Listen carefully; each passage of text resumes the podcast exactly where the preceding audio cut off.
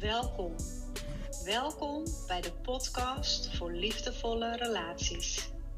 Mijn naam is Claudia Krumme en ik ben oprichter van Counseling Center Changes. Ik begeleid mannen en vrouwen bij relatie- en liefdesverslavingen. Ik ondersteun mensen bij het loskomen van verslavende relaties, verlatingsangst, bindingsangst en codependency. Goedemorgen lieve mensen, welkom bij deze zondagse podcast. Wederom nog één keer vanuit Mexico.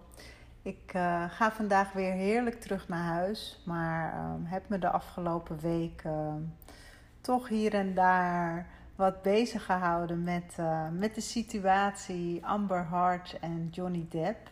De aanleiding was Martina, mijn vriendin, die deze zaak op de voet volgde, net als heel veel van jullie.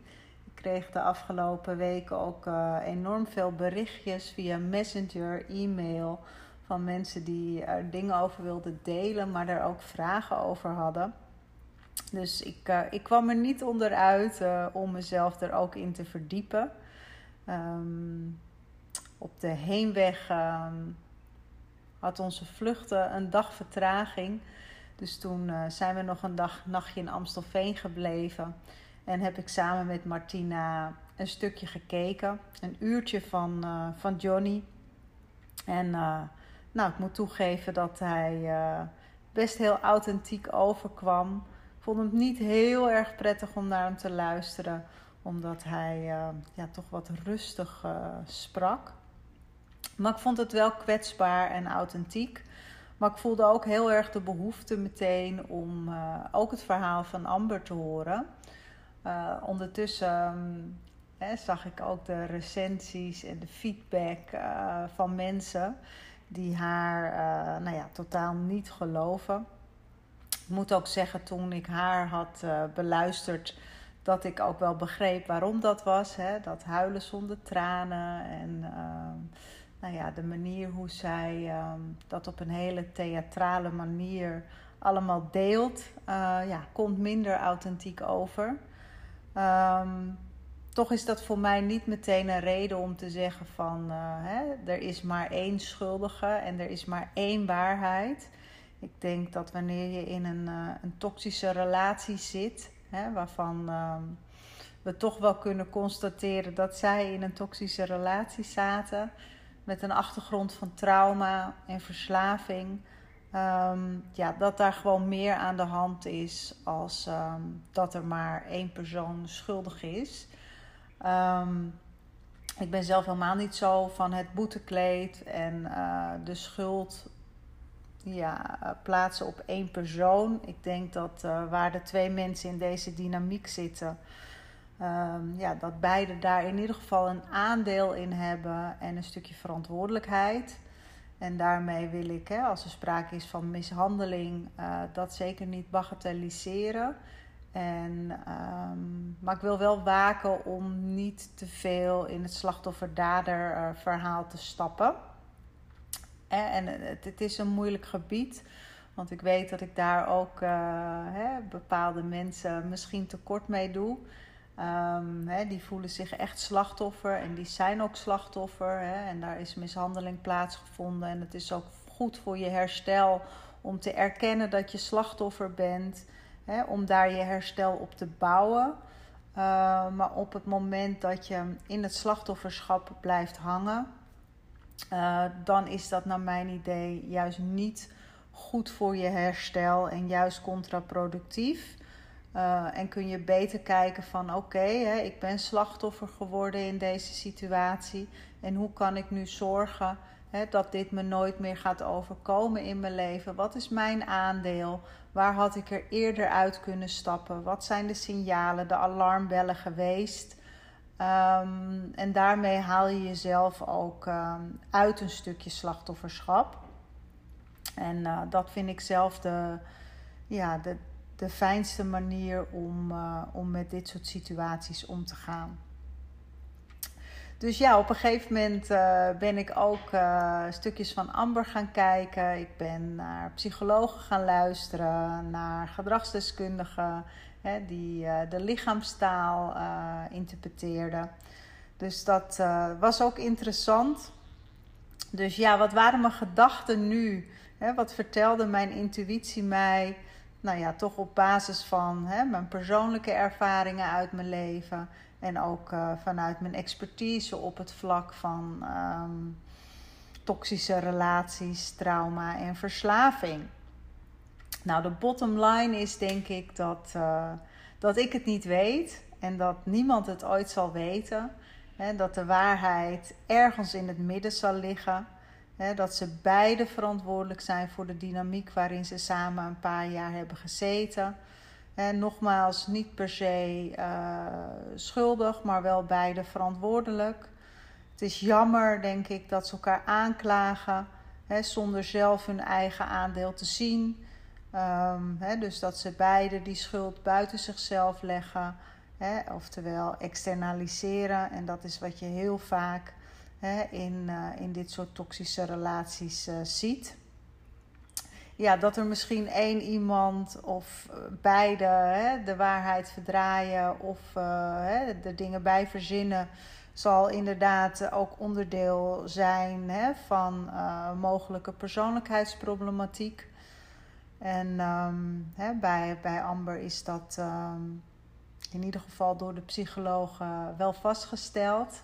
Uh, weliswaar twee verschillende diagnoses. Hè. De een zegt uh, ze lijdt aan borderline persoonlijkheidsstoornis, de ander zegt ze lijdt aan PTSS. En uh, hè, bij Johnny is er volgens mij nog steeds geen stabiel herstel. Hè, dus is zijn verslaving nog steeds wel actief. met af en toe wat periodes van, van clean tijd tussendoor dus zij hebben hem, um, zover als dat ik heb kunnen zien, ook nog niet getest op persoonlijkheidsproblematiek. Um, dat is ook niet mogelijk op het moment dat uh, mensen nog in actieve verslaving zijn of nog geen langere periode clean zijn, dan is het heel moeilijk om, uh, om persoonlijkheidsproblematiek te diagnosticeren. Wat je wel heel vaak ziet, in toxische relaties is dat uh, de aantrekkingskracht hè, tussen mensen met persoonlijkheidsproblematiek dat dat groot is. En dat je vaak hè, narcisme aan de ene kant ziet en borderline aan de andere kant. Um, hè, want dat trekt elkaar als een magneet aan. Hè? Dus vanuit die onveilige hechting. Je zou kunnen zeggen dat onveilige partners uh, eh, onveilige gehechte partners onveilige gehechte partners aantrekken. En veilige gehechte mensen trekken veilige gehechte partners aan. Um, ja, dus dat, dat is interessant. Um, even kijken, wat wil ik er nog meer over zeggen? Ja, beide hebben natuurlijk een traumatisch verleden.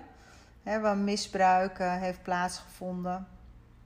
En vanuit deze onveilige achtergrond is het denk ik ook logisch dat zij ja, als volwassenen niet in staat zijn om, uh, om, op gezonde relaties aan te gaan. Hè, zolang ze deze uh, gebeurtenissen uit hun verleden nog niet verwerkt hebben.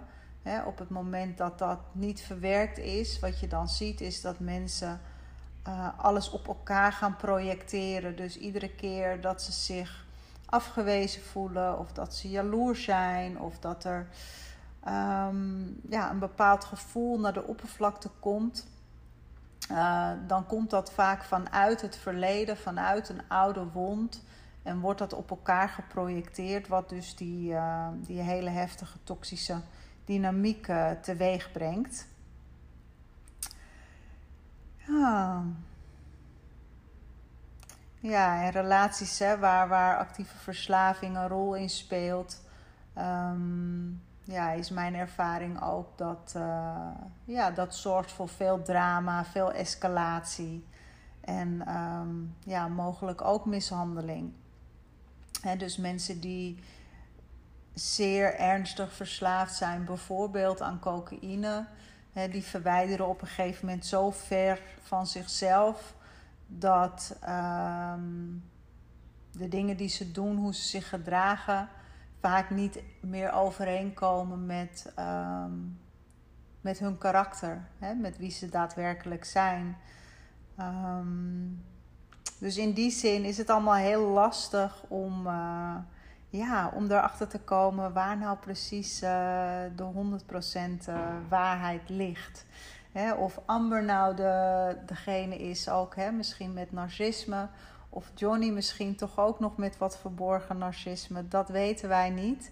Wat we wel weten, is dat wanneer mensen dus lijden aan narcisme, dat ze heel goed in staat zijn om de buitenwereld een ander beeld van de realiteit te geven.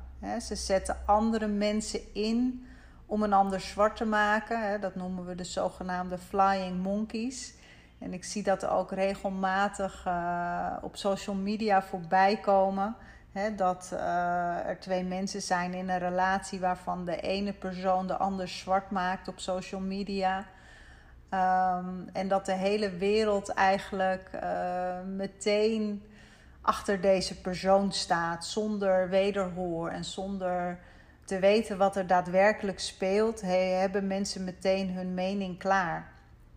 Uh, en die worden dan dus ingezet of gebruikt als flying monkeys. bijvoorbeeld een, een, een, man of een vrouw um, die in een echtscheiding zit en um, dat ze hun kind niet mogen zien en dat ze dat op Facebook gaan delen. En dat iedereen meteen opkomt voor deze persoon. dat het niet oké is om uh, een kind in te zetten in een echtscheiding. Wat het natuurlijk ook niet is, maar vaak weet je de volledige waarheid niet en hebben mensen hun mening al, kwaad, al, al klaar. dus dat is een manipulatietechniek van mensen met um, narcisme, maar ook wel met andere, uh, ja, andere relatiedynamieken. Hè. De, de, de, manipulatie komt op, op vele vlakken voor. Um, maar het maakt het dus voor psychologen, voor rechters en voor, jury, voor juries um, heel moeilijk, omdat ze je dus extreem goed om de tuin kunnen leiden. En ik, ik, ik vermoed ook dat die persoonlijkheidsonderzoeken, die worden natuurlijk ook altijd gemanipuleerd. Ze proberen zichzelf, ondanks dat die testen misschien heel goed in elkaar zitten, uh, zullen ze de waarheid nooit uh, volledig geven. En de andere kant ook van persoonlijkheidsonderzoeken uh, is wat ik ook vaak zie. Is dat als je vijf of tien psychologen of psychiaters op een rij zet en ze geven een diagnose naar aanleiding van een verhaal, um, dat je bij veel van hun een andere diagnose krijgt dus al deze factoren bij elkaar uh, maakt het heel ingewikkeld om echt een, uh, een eenduidige waarheid boven tafel te krijgen. Hoe dan ook, het blijft een spannend maar heel tragisch verhaal. wat we nog even op de voet mogen blijven volgen de aankomende weken, als je daar interesse in hebt.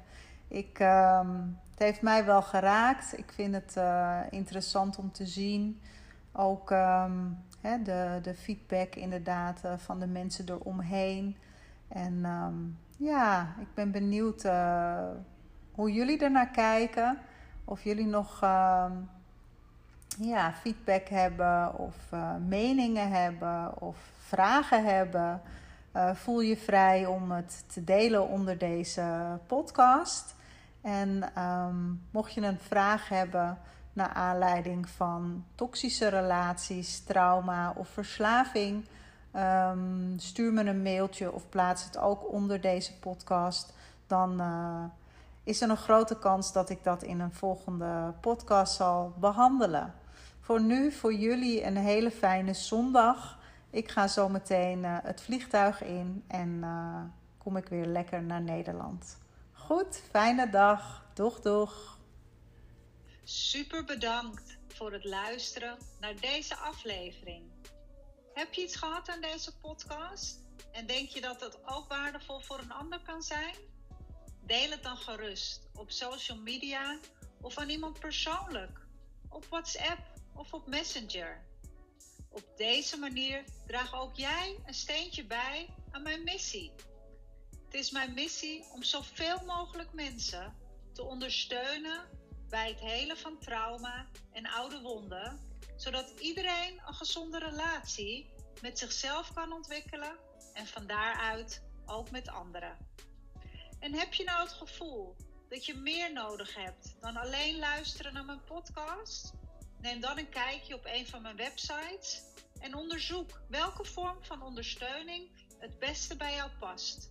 En kom je er alleen niet uit? Stuur ons dan een mail, dan kijken we graag met je mee. Voor nu wens ik je een liefdevolle dag toe en tot volgende week.